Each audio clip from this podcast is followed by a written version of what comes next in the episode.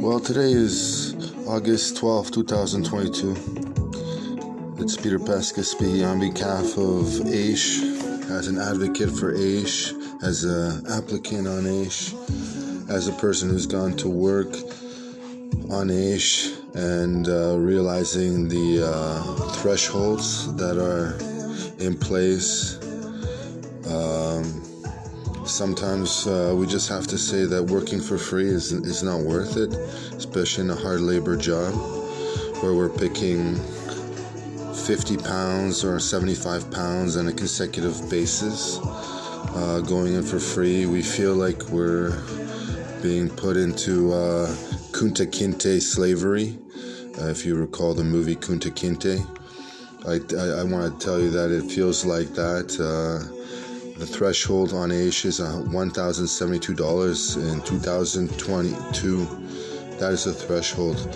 Um, these incomes that are rising are not improving the lifestyle of the AISH applicants at all because they only work for three months um, and then they don't want to lose the benefits, so they want to stay on AISH.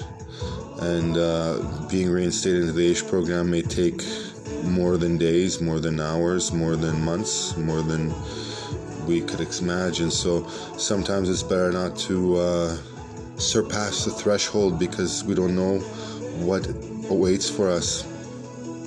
Right now, Peter has been working as a assembler for a food company a company that produces large amounts of food and ships them off to very large stores in Canada and also in the United States.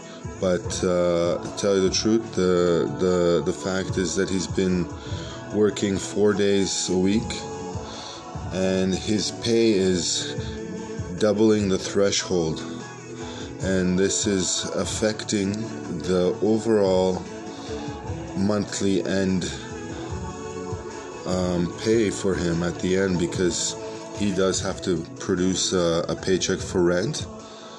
And uh, right now, he's been waiting for rental assistance benefit payments to come out.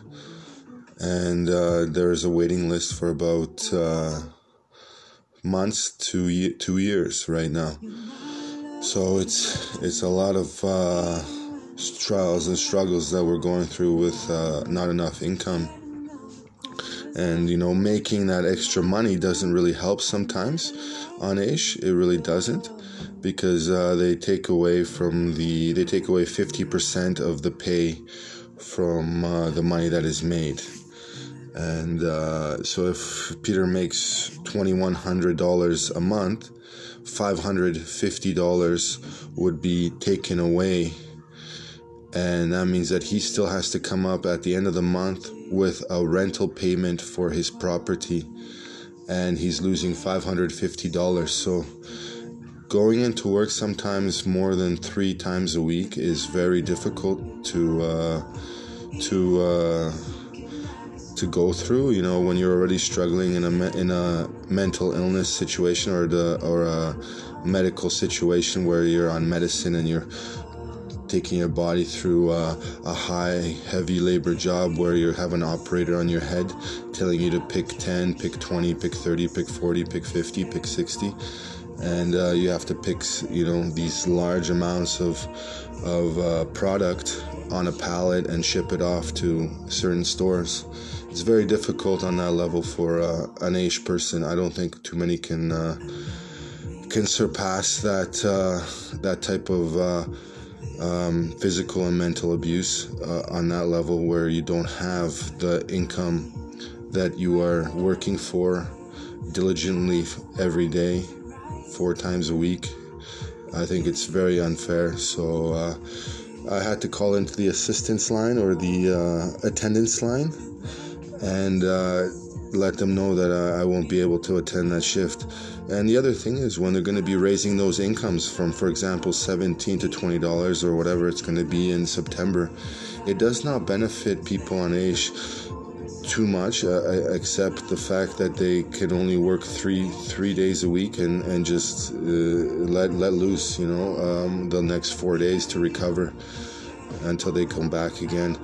Um, for some other people, it does make a big difference $20 from $17 an hour if they're working long, longer periods, maybe you know, up to 420 hours a, year to 700 hours a year. That makes that makes a big difference. Um, they can qualify for EI, but EI still doesn't uh, help them out as much as AISH does. AISH is a 1685 payment, and uh, they'll only be making 55% uh, of their income on EI. So there's some uh, punches that you have to throw towards the social systems and the governments to let them know that they're not they're not uh, satisfying the happiness of the the people that are working hard. And and we just feel that that's the truth. They're just not satisfying the the happiness of the people that are working hard. So uh wanted to let you know that yeah, the uh, the attendance line does help to let the, the the the big food producers know that some people can't come in because they are suffering from those type of situations. Just so they're aware that uh, it's not worth going in for free to do that kind of work because it is heavy, heavy labor and uh, a lot of people don't realize how much effort actually goes into all those people that are doing that job they're doing a great job all the people that are out there but it's it's a very demanding job so time to wake up and, and smell the coffee that uh, it's it's not worth you know losing $550 and then paying money out of your own small low income budget for rent again. All right uh, have a great day